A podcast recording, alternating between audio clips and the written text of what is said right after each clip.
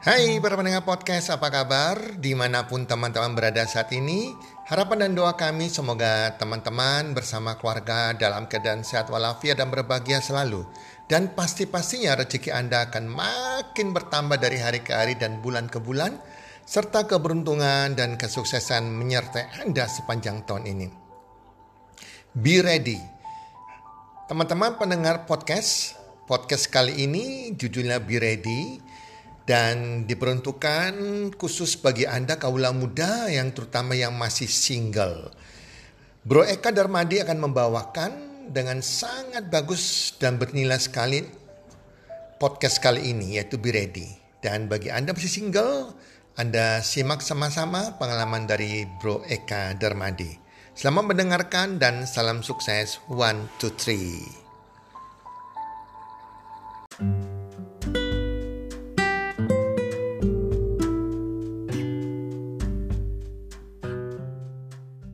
Halo semua, pada episode podcast kita kali ini dengan judul Be Ready. Nah, pada kesempatan kali ini saya akan menyampaikan sendiri teman-teman. Jadi ini tidak ada guest speaker siapa-siapa kali ini. Nah, pada tema kali ini saya akan lebih banyak membahas tentang persiapan. Persiapan ini juga dari pengalaman saya ketika saya ini dari fase single menuju in relationship ya teman-teman. Saya benar-benar berharap melalui sedikit daripada sharing-sharing tentang cerita saya, value-value saya, ini bisa memberikan inspirasi buat teman-teman sekalian.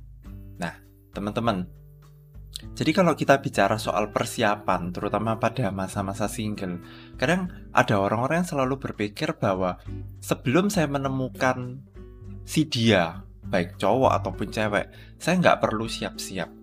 Nah, tapi menurut menurut saya persiapan itu bahkan dimulai dari sekarang saat ini juga. Ketika teman-teman mungkin masih fase mencari atau fase mengenal itu teman-teman harus tetap mempersiapkan diri teman-teman. Baik dari pihak yang laki, yang cowok ataupun yang wanita kalian itu harus mempersiapkan diri itu even saat ini juga. Loh tapi kalau misalnya saya ini belum punya pasangan, target pun belum ada, apakah saya tetap harus mempersiapkan diri? Jawabannya iya, tetap harus mempersiapkan diri. Kenapa? Karena kan kita nggak akan pernah tahu. Kalau misalnya tiba-tiba besok atau nanti bahkan Tuhan mempertemukan kalian dengan calon pasangannya kalian, ya tentu kalian ini kan kita nggak tahu. Ya kan, waktu Tuhan bukan waktu kita. Ya kan? Nah, jadi harus mempersiapkan diri. Nah, jadi pada saat saya single itu, kita itu harus sudah fulfill hidupnya kita dulu. Gitu loh. Bukan hidup kita ini ketika single berarti hidup kita itu hampa. Karena saya percaya kayak even di masa kita single, ya kan, kita ini bisa melakukan banyak hal, entah sesuatu yang produktif atau apa pun itu untuk mengisi tanda kutip hidup kita, gitu loh. Karena pasangan kita itu bukanlah orang yang untuk mengi apa ya istilahnya kalau kita ini belum fulfill dulu, maka kita suatu saat nanti ketika kita berpasangan, maka kita ini akan menyedot ini apa? fulfillment dari pasangannya kita. Dan hubungan yang seperti itu itu termasuk hubungan yang kayak kurang sehat karena salah satu pasti nanti akan merasa kering gitu loh kayak tangki cintanya itu akan kosong Nah, jadi di masa-masa single, kita ini bisa mengembangkan diri sebanyak-banyaknya. Entah belajar hal-hal baru, explore hal-hal baru, ya kan? Itu bisa kalian lakukan di fase-fase single gitu loh. Entah memperluas pergaulan, ya kan menambah teman komunitas di sana sini, tentunya komunitas yang baik ya teman-teman. Itu teman-teman bisa lakukan pada masa-masa single dan pada saat saya masih single, saya tuh diingatkan bahwa ada beberapa hal yang lumayan penting gitu loh. Jadi pada saat kita tuh single ya kan, kita tuh juga harus improve hubungannya kita tuh dengan orang tua. Kayak dengan mama papa kayak gitu loh. Kenapa? Karena hubungan kita dengan dengan orang tua kita itu merupakan kayak suatu refleksi hubungan kita dengan pasangan kita kelak Seperti itu. Kenapa? Kalau misalnya teman-teman saat ini tidak bisa happy dengan papa mama kalian saat ini, tentu tidak ada jaminan kalau suatu saat nanti kalian bisa happy dengan pasangan kalian. Kalau saat ini kalian tidak bisa respect dan tunduk dengan orang tua kalian, tidak tentu suatu hari nanti kalau teman-teman punya istri atau suami bisa respect dan tunduk dengan pasangan.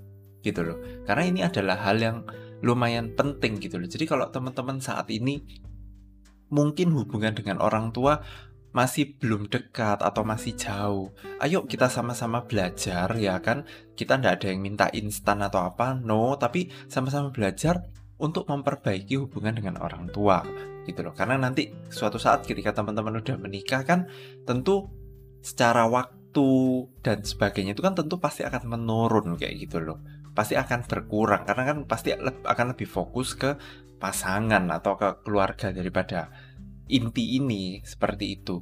Nah, kemudian teman-teman ini harus memastikan pada saat teman-teman masih single, itu teman-teman sudah melepaskan atau terbebas dari yang namanya belenggu masa lalu. Nah, di dalam fase kehidupan kita ini kan bisa jadi dari kita umur satu tahun sampai saat ini pasti ada kejadian-kejadian di dalam hidup kita itu yang menyakiti hati kita, membuat kita terluka, ya kan? Membuat kita ini apa ya istilahnya jadi sakit, jadi sedih atau apa pun itu. Atau mungkin pengalaman dengan mantan gebetan atau mantan pacar, ya kan? Itu pasti ada sesuatu yang membekas. Istilahnya itu kayak ada, mungkin ada luka batin dan sebagainya. Nah, pada saat teman-teman pada fase single itu, teman-teman ini se sebisa mungkin ya itu harus bisa untuk melepaskan belenggu masa lalu gitu loh. Karena pasangan nanti yang baru nanti ini itu kan seperti lembaran baru gitu loh. Dan sebisa mungkin jangan sampai efek-efek dari dari apa ya dari bagasi-bagasi atau baggage-baggage dari sebelumnya ini tuh terus dibawa sehingga ketika bertemu dengan pasangan lain yang yang baru ya kan padahal orangnya ini baik dan sebagainya, harus tanda kutip merasakan 100% dari bagasi-bagasi yang lama kayak gitu. Memang I know, untuk melepaskan yang namanya bagasi atau baggage-baggage ini, trauma-trauma atau luka-luka lama memang tidak semua orang itu kayak bisa 100%. Tapi at least kalau kalian udah melepaskan kayak 50% atau 3 atau 70%, itu sudah bagus kok teman-teman. Maksudnya untuk pasangan yang berikutnya itu akan lebih bisa enjoy lebih bisa menikmati kayak gitu loh. Dan dan apa ya? Ya ini yang kayak lumayan penting juga ya. Apa? Ketika ketika dengan hubungan yang sebelumnya teman-teman sudah tahu memang tidak jalan atau memang nggak bisa lanjut lebih lagi ya sudah. Memang memang harus putus memang ya sudah ya close book kayak gitu loh jangan ketika teman-teman sudah tutup buku, kemudian pada saat ketemu orang baru masih masih galau lagi, aku masih sayang sama mantan apa enggak. Itu kayak itu eman eman banget gitu loh. Karena yang namanya momentum, ya toh, kesempatan momentum itu belum tentu datang dua kali teman-teman kayak gitu loh. Jadi kita itu harus always kayak be ready gitu loh. Jadi kita setelah kita apa ya kayak menco mencoba dan berusaha untuk melepaskan belenggu masa lalu ya. Tentunya tentunya dengan bantuan Tuhan juga ya teman-teman ya. Karena kalau dengan kekuatan kita kan kita kadang tahu bahwa kita ini tidak sanggup gitu loh. Nah buat cowok maupun cewek kalian itu juga harus untuk yang namanya membangun karir kayak gitu loh. Karena kan nanti ketika kalian akan berumah tangga menikah dan sebagainya itu kan tentu tidak cuma dibutuhkan cinta aja kan. Kan pasti harus harus mempersiapkan kayak tempat tinggal ya kan? Terus income income bulanan misalnya uang belanja buat istri dan sebagainya. Nah kemudian kita juga harus improve untuk menjadi pribadi yang lebih baik. Entah ikut seminar baca buku atau apa pun itu ya lakukanlah itu semaksimal mungkin pada saat teman-teman ini masih di fase-fase single. Nah Kemudian pada fase ketika kita ini ingin mencari pasangan. Nah, di di sini teman-teman itu harus mengerti apa yang teman-teman inginkan. pasangan seperti apa yang teman-teman inginkan. Jadi teman-teman ini harus punya yang namanya namanya list kriteria. Yang pertama itu adalah list kriteria must have. Must have ini apa? Jadi kayak suatu kriteria yang yang harus ada di calon pasangan teman-teman. Jadi contohnya orangnya harus sabar, orangnya harus sayang sama orang tua misalnya. Orangnya harus seiman dengan saya kayak gitu. Memiliki background pendidikan minimal kayak contoh S1 misalnya kayak gitu loh. Berasal eh tinggal di kota yang sama dengan saya misalnya buat yang nggak bisa LDR. Nah itu adalah contoh-contoh kayak apa ya kayak list must have gitu loh. Jadi orangnya harus bisa kerja lah, punya income apa bisa tahu tanggung jawabnya itu itu bisa teman-teman masukin di contoh uh, must have ya karena karena must have ini banyak sekali ya kan kayak kita tuh nggak bisa jabarin satu-satu karena kayak tiap orang itu berbeda-beda gitu loh. Jadi teman-teman tulis sendiri aja apa kriteria yang teman-teman inginkan. Nah, kedua itu adalah list yang namanya good to have. Nah, list good to have ini itu berbeda dengan list must have tadi. Jadi kalau list good to have ini ada atau nggak ada di dalam pasangan itu, ya nggak apa-apa gitu loh. Misalnya, saya ingin saya ingin seorang wanita yang bisa main piano misalnya. Yaitu itu adalah di list yang good to have. Kalau dia nggak bisa main piano ya nggak apa-apa. Main gitar juga oke. Okay. seperti itu teman-teman. Dan ada satu lagi yaitu namanya itu red flag. Nah red flag ini artinya apa? Ketika ada ada satu dua hal yang ada muncul di red flag ini teman-teman harus consider ulang atau berpikir ulang Nah, contoh red flag itu kayak gimana? Misalnya gini, saya tidak suka misalnya uh, cowok yang suka main tangan atau suka mukul. Nah, begitu begitu yang cowok ini mukul atau apa, ya itu tuh sudah red flag. Oh, saya tidak mau dengan pria yang kasar, yang ngomongnya kasar misalnya, yang suka mukul, yang tidak cinta orang tua. Nah, itu teman-teman harus punya dulu. Nah, sebetulnya kenapa sih kok teman-teman ini harus punya? Nah, ini supaya suatu saat atau nanti ya ketika teman-teman berada di sebuah lingkungan atau sebuah komunitas, teman-teman ini untuk ngefilternya itu lebih gampang gitu loh. Kenapa? Karena karena kayak kita itu sudah tahu apa yang kita inginkan. Gitu loh. Jadi misalnya gini, misalnya kita bilang, ini ini cuma perumpamaan ya dengan tidak ada maksud untuk menyamanyamakan antara seseorang dengan handphone ya. Jadi misalnya gini, teman-teman mau cari handphone. Iya kan? Kalau teman-teman udah tahu, saya mau cari handphone itu Android atau iOS misalnya. Itu itu sudah lebih memudahkan gitu loh. Oh, berarti saya harus ke Apple Store. Atau misalnya Android, saya bisa ke kayak Samsung, kayak apa lagi ya? kayak Xiaomi kayak gitu jadi teman-teman akan lebih tahu ke mana kayak gitu loh terus kemudian teman-teman tahu oh aku tuh kalau misalnya cari HP aku tuh butuh yang yang speknya tinggi untuk game. Artinya apa ya? Teman-teman lebih tahu lagi oh aku kalau cari HP harus yang seperti ini. Atau misalnya teman-teman oh aku cari HP tuh butuh yang kameranya bagus karena aku tuh suka foto. Nah itu bisa mempermudah teman-teman untuk kayak oh oke okay, aku mau cari misalnya iPhone 12 misalnya. Ya udah teman-teman langsung kalau misalnya HP yang ditawari itu bukan iPhone 12, teman-teman langsung oh, enggak saya tahu, saya saya inginnya itu iPhone 12.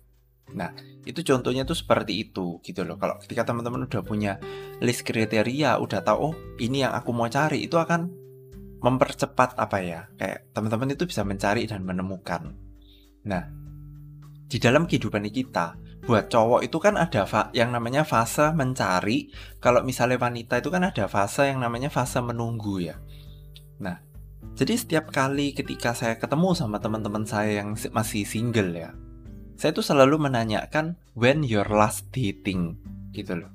Nah, dating yang saya maksud di sini itu tidak harus kayak oh sudah pacaran terus apa istilahnya itu baru dating. No, tapi intinya kalian pergi dengan lawan jenis jadi misalnya cowok pergi sama cewek kayak gitu loh itu berdua dengan tujuan untuk mengenal lebih dalam itu buat saya itu udah dating kayak gitu loh kenapa kok saya selalu menanyakan ini pada para single?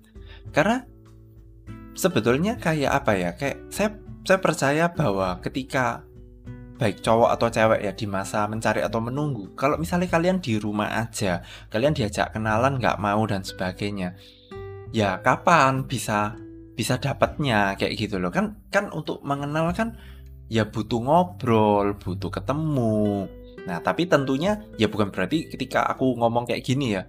Berarti aku mau diajak pergi sama semua wanita atau wanita mau diajak pergi sama semua cowok? Ya tentu tidak.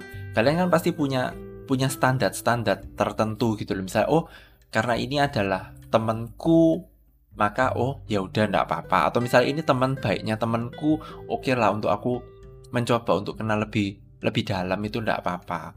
Gitu loh.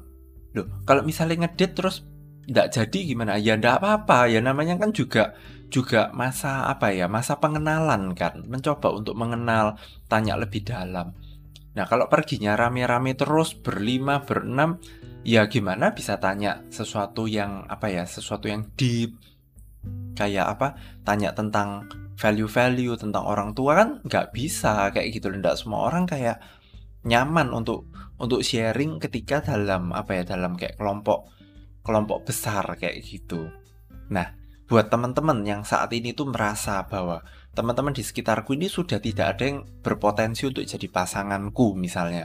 Entah mungkin kayak tidak sesuai kriteria atau misalnya merasa kurang cocok dan sebagainya. Maka teman-teman ini harus berani yang namanya untuk keluar dari comfort zone teman-teman. Ya mencari circle pertemanan baru kenalan dengan teman-teman baru. Itu ndak apa-apa kayak gitu loh ngedit dengan dengan temennya temen yang memang lagi mencari itu ndak apa-apa kayak gitu loh. Tentu jangan jangan sampai yang kayak 100% stranger ya sebaiknya jangan kayak gitu loh. Tapi minimal kayak misalnya misalnya kayak kadang ya orang tua kan juga misalnya tahu oh anakku anaknya papa mama ini masih single. Kadang kan ada nih misalnya coba ah uh, papa mama kenalin ke anaknya temennya papa mama yang masih single misalnya kayak gitu. Ya ya ndak apa-apa. Ya coba aja ketemu dulu kayak gitu loh. Apalagi kalau misalnya itu kayak dari anaknya temennya papa mama itu kan kayak papa mama pasti udah punya kayak sebuah filter tersendiri dan oke okay, kayaknya anakku dan anaknya dia ini lumayan sepadan kayak gitu loh. Itu kan bisa jadi. Jadi ndak apa-apa. Temuin aja. Kalau memang ndak cocok ya sudah ya cukup sekali itu. Terus kemudian sudah ndak usah maksudnya ndak usah diajak ketemu lagi biar nggak kesannya PHP nah buat buat Eka pribadi ya pacaran itu nggak boleh kayak sembunyi-sembunyi teman-teman. Dalam arti apa? Dalam arti ketika saya suka dengan seseorang ya kan? Maka orang tua saya ya circle terdekat saya yaitu orang tua saya itu harus tahu gitu loh. Harus tahu uh, Eka ini lagi deketnya itu sama siapa. Kemudian saya ini kan punya pemimpin atau mentor kan. Nah, pemimpin dan mentor saya ini pun itu juga tahu kayak oh saya lagi deket sama Kalista kayak gitu loh. Nah, ini kemudian circle yang berikutnya itu adalah teman-teman gitu loh. Jadi teman-teman saya pun juga ya tentu tidak 100% tahu ya, tapi paling nggak dari media sosial atau apa pun yang mereka lihat kan saya pas, pasang foto kan itu tentu oh jadi tahu gitu. Intinya hubungan itu itu sebaiknya itu tidak sembunyi-sembunyi. Karena kalau misalnya hubungan itu memang ingin dibawa ke jenjang yang lebih serius yaitu ke pernikahan ya kan? Ya tentu harus dimulai dengan fondasi yang benar dulu gitu loh. Kalau misalnya saat ini aja apa untuk komitmen ya terutama kayak cowok ke cewek ya untuk komitmen di dalam pacaran atau atau memperkenalkan ke teman-teman istilahnya untuk untuk publikasi aja nggak berani ya ya gimana mau expect untuk hubungan yang lebih lanjut ke situ kayak gitu loh. Lah wong teman-teman ini nggak tahu taunya masih single kayak gitu. Jadi buat Eka Eka juga itu kayak restu dari orang tua di dalam hubungan itu kan penting banget ya teman-teman. Artinya apa? Artinya ketika sebelum Eka menjalani hubungan ini, itu kan Eka sudah memperkenalkan dulu si Kalista ini dengan dengan mamanya Eka, dengan papanya Eka juga. Begitu pula sebaliknya Eka juga sudah kenalan sama papa mama daripada Kalista. Karena buat buat kami itu kayak doa dan restu orang tua itu adalah hal yang penting gitu loh penting di dalam hubungan mungkin kadang orang-orang berpikir kayak loh belum ke fase tunangan kenapa harus kenalan orang tua? Loh ya emang emang ada tertulis kalau misalnya kenalin ke orang tua harus pada fase tunangan kan? Ya gak juga. Sedini mungkin kalau teman-teman bisa melibatkan orang tua ya tentu tidak apa-apa gitu loh. Nah ketika aku bilang soal melibatkan dengan orang tua ini, berarti kan hubungan teman-teman dengan orang tua itu harus kondisinya itu lumayan deket gitu loh. Karena kalau misalnya teman-teman dengan orang tua nggak deket, tentu kayak ngomong-ngomong kayak soal hubungan kayak gini itu kan agak awkward mungkin, terus agak gimana kayak gitu loh teman-teman.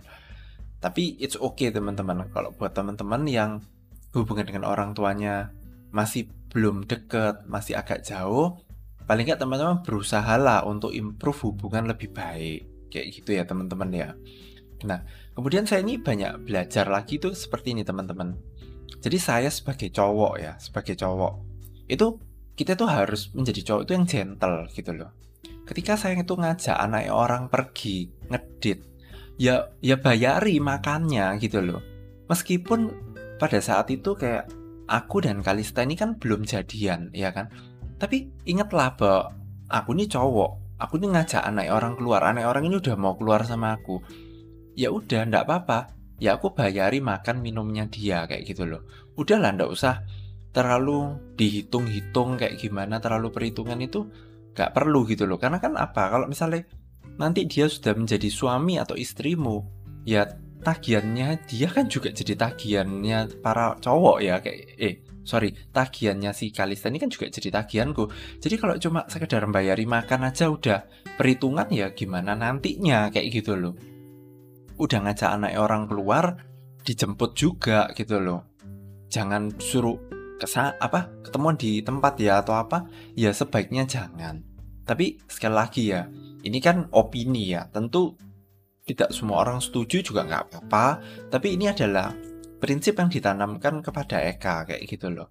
Jadi cowok itu harus gentle even di hal hal yang simple kayak misalnya jemput. Kalau kamu ngajak anak orang keluar ya harus kasih harus bayari makan. Itu udah kayak ya itu memang memang harus seperti itu kayak gitu loh. Nah, kemudian ketika kita cowok ini ya, para cowok ini ya, kita mau deketi seseorang, please kasih intensi yang jelas ngomong dengan jelas tujuannya ini apa gitu loh. Apakah kalian ini mungkin kayak cuma sebagai teman, enjoy jalan bareng, atau memang mau bawa lebih kayak gitu loh. Jangan kayak apa ya kayak hubungan itu kayak tanpa status tapi berduaan terus. Tapi ya lek ditanya ini pacar apa bukan? Ya bukan tapi modelnya kayak pacaran. Hal itu kalau dilihat orang itu tidak baik gitu loh. Eman buat kalian gitu loh baik cewek ataupun cewek uh, buat cewek ataupun si cowoknya gitu loh. Kenapa? Karena kalau misalnya kalian seperti itu kan kayak nanti kalau misalnya ada yang du duanya kalian tiba-tiba lihat kalian seperti itu oh dikira oh ini dia udah punya pacar akhirnya pergi. Uh, kan tentu eman ya kalau misalnya sampai terjadi kayak seperti itu gitu loh. Jadi please intensinya itu yang jelas gitu loh. Jangan main tebak-tebakan loh. Kamu kan tahu kalau aku tuh sayang kamu loh. Tahu dari mana gitu loh harus dipertegas gitu loh. Karena itulah cowok itu kan harus memberikan kepastian dan kenyamanan kan. Ya tentu termasuk ketegasan di dalam hubungan itu. Nah ini sedikit sedikit yang buat cewek ya. Karena kan saya bukan cewek jadi mungkin akan lebih valid kalau cewek yang ngomong. Nah, tapi berhubung podcast ini saya ngisi sendiri, jadi saya sharing dari sudut pandang saya ya. Jadi kalau sebagai seorang wanita, kalian itu harus be ready gitu loh. Memang wanita itu konteksnya itu harusnya kan menunggu kan, dideketin cowok baru baru dia respon balik. Tapi di zaman sekarang yang sudah lebih maju ya kan, tentu kalau misalnya cewek ingin memberikan signal-signal ke cowok, itu ya tidak apa-apa gitu loh karena apa? Karena zaman sekarang tidak semua cowok itu peka, mengerti gitu loh. Jadi tidak apa-apa ya, kasih aja sinyal-sinyal yang nggak terlalu agresif kayak gitu. Memulai percakapan duluan itu juga nggak apa-apa, nggak harus kayak oh aku nggak mau ah telepon dia atau nggak mau ngechat dia. ya sebaiknya jangan gitu loh. Sebaiknya ya ndak apa-apa. Inisiatif dulu gitu loh. Ibaratnya kayak mancing gitu loh teman-teman. Kayak ya wis dicoba dilihat. Kamu ngecatol dulu beberapa waktu. Setelah itu apakah cowoknya itu ada respon balik tiba-tiba ngajak kamu ngedit atau apa? Kayak gitu loh. It's okay. Kayak gitu loh. Ngasih-ngasih sinyal itu tidak ada yang salah gitu loh nah dan lagi gini teman-teman teman-teman terutama para wanita, kalian harus ingat bahwa kalian itu sangat-sangat berharga. Jadi, kalau misalnya ada seorang pria yang memperlakukan kalian dengan tidak respect, ya kan? Dengan tidak dengan main-main dan sebagainya. Ya kan? Udahlah. Kalian harus tahu bahwa kalian itu berharga banget gitu loh. Kalian berharga banget dan tidak ada satu satu pun orang di dunia ini yang berhak untuk melakukan kalian dengan semena-mena, dengan tidak respect. Apalagi like kurang ajar, tentu itu sudah kelewatan kayak gitu loh. Jadi sebagai seorang wanita, kalian juga harus bisa memfilter gitu loh. Kayak, oh cowok ini tidak respect dengan dengan aku kayak gitu loh.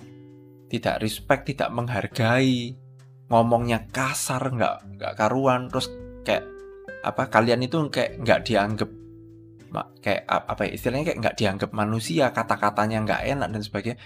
Kalian harus sebagai wanita juga harus berani untuk walk away atau pergi dari hubungan-hubungan yang seperti itu. Karena ketika kalian mengharapkan bahwa cowok itu bisa berubah kemungkinannya itu kecil. Karena what you see is what you get. Bisa jadi malah lebih parah.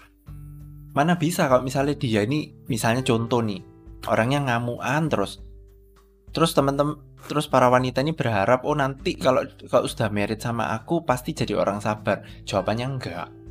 Gitu loh. Kalau bukan Tuhan yang menjamah hati cowok itu dan cowok itu berubah ya bisa jadi malah lebih kasar gitu loh lebih jahat. Gitu loh. Tapi kalau kalau teman-teman di sini merasa oh aku ndak apa-apa kok dijahati dikasari ndak apa-apa aku tetap cinta ya ndak apa-apa go ahead gitu loh. Tapi menurutku kayak ya teman-teman harus bisa nerima loh kok dia nggak berubah? Ya karena what you see is what you get gitu loh. Nah sebagai penutup dari saya ya toh baik cewek ataupun cowok kalian itu harus be ready karena kita nggak pernah tahu kapan he or she itu datang di dalam kehidupannya kalian ya kan? Bisa nanti sore bisa besok bisa minggu depan I don't know. Kapan kapan pun itu bisa datang gitu loh dan please kalian harus be prepare terutama dari bagasi-bagasi masa lalu. Sebisa mungkin teman-teman tinggalkan di belakang tutup buku lama dan mulai apa ya kayak lembaran baru dengan orang baru kayak gitu loh. Karena kayak apa ya karena kayak buat saya gitu ya kita ini memang betul kok disuruh berubah langsung kayak kayak 180 derajat. Itu pasti kayak berat banget tapi di sini aku pikir setiap kita itu menjadi pribadi yang lebih baik itu at least satu persen tiap hari dari dirimu yang kemarin. Gitu loh.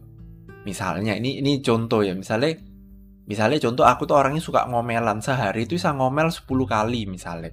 Ya udah besok aku usahakan ngomelku cuma 9 kali. Besoknya 8 kali kayak gitu loh. Jadi mencoba menjadi lebih baik itu bukan berarti kayak misalnya aku ngomelan sehari 10 kali besok langsung nggak ngomel ya enggak. Satu persen aja gitu loh. Dan ingatlah bahwa setiap kita tuh punya season. Seasonnya kita tuh sendiri-sendiri. Mungkin kadang kita itu iri kayak waduh enak ya dia itu udah punya pacar. Udah jalan satu tahun atau apa pun itu isa merit duluan dan sebagainya. Sudahlah teman-teman. Yang namanya hubungan setiap orang itu punya punya seasonnya sendiri-sendiri. Ya kan? Sudahlah. Kita tidak usah melihat kehidupan orang lain. Fokuslah pada kehidupan kalian sendiri kayak gitu loh. Karena kalau kita bandingin dengan orang lain, kurang ini, kurang itu, ini lebih enak, lebih sampai ada peribahasa yang mengatakan baru rumput tetangga itu lebih hijau. Gitu loh. Udahlah, ndak usah pernikahan hubungan itu bukan seperti lomba yang kayak kamu itu harus cepet-cepetan itu ya ndak gitu loh itu itu adalah hubungan pribadi kalian gitu loh kemudian be yourself kayak gitu loh keluarkan terbukalah dari awal tentang sikap kalian dan sebagainya gitu loh meskipun kalian merasa bahwa tapi aku takut lah misalnya aku nunjukkan sisi jelekku nanti dia bakal ilfil dan sebagainya. Udahlah, ndak apa-apa. Kalau misalnya if he or she is the one untuk kalian, maka dia juga akan bisa menerimamu sebagai satu pribadi yang utuh gitu loh. Karena kalau misalnya kita nutup-nutupi, maka cepat atau lambat itu pasti akan terbuka gitu loh. Sampai kapan kita bisa pura-pura? Dan hubungannya didasari dengan kepura-puraan topeng-topengan itu berat banget gitu loh. Pasti akan draining tenaga banget. Nah, mungkin ini dulu dari episode podcast kita kali ini ya. Semoga dari episode podcast kali ini tuh kayak bisa memberikan suatu inspirasi buat temen-temen ya gitu. Sampai jumpa di episode-episode podcast berikutnya dan buat yang masih single, saya berdoa supaya teman-teman segera dipertemukan dan dipersiapkan untuk segera menemukan duanya. Oke, sampai sampai di sini dulu, sampai jumpa di episode-episode selanjutnya. Dadah.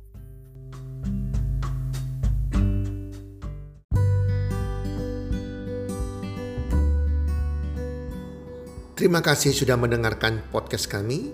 Teman, jika Anda rasa bermanfaat podcast kami ini, Anda bisa menginfokan kepada rekan kerja Anda, keluarga Anda, teman ataupun sahabat Anda. Dan jika ada hal-hal yang Anda ingin tanyakan kepada kami ataupun topik-topik apa yang Anda ingin kami bawakan, kami sampaikan, Anda bisa DM kami di Instagram kami Health Community www.salambantu3.id. Salam Bantu Tri, salam sehat, sejahtera dan bahagia.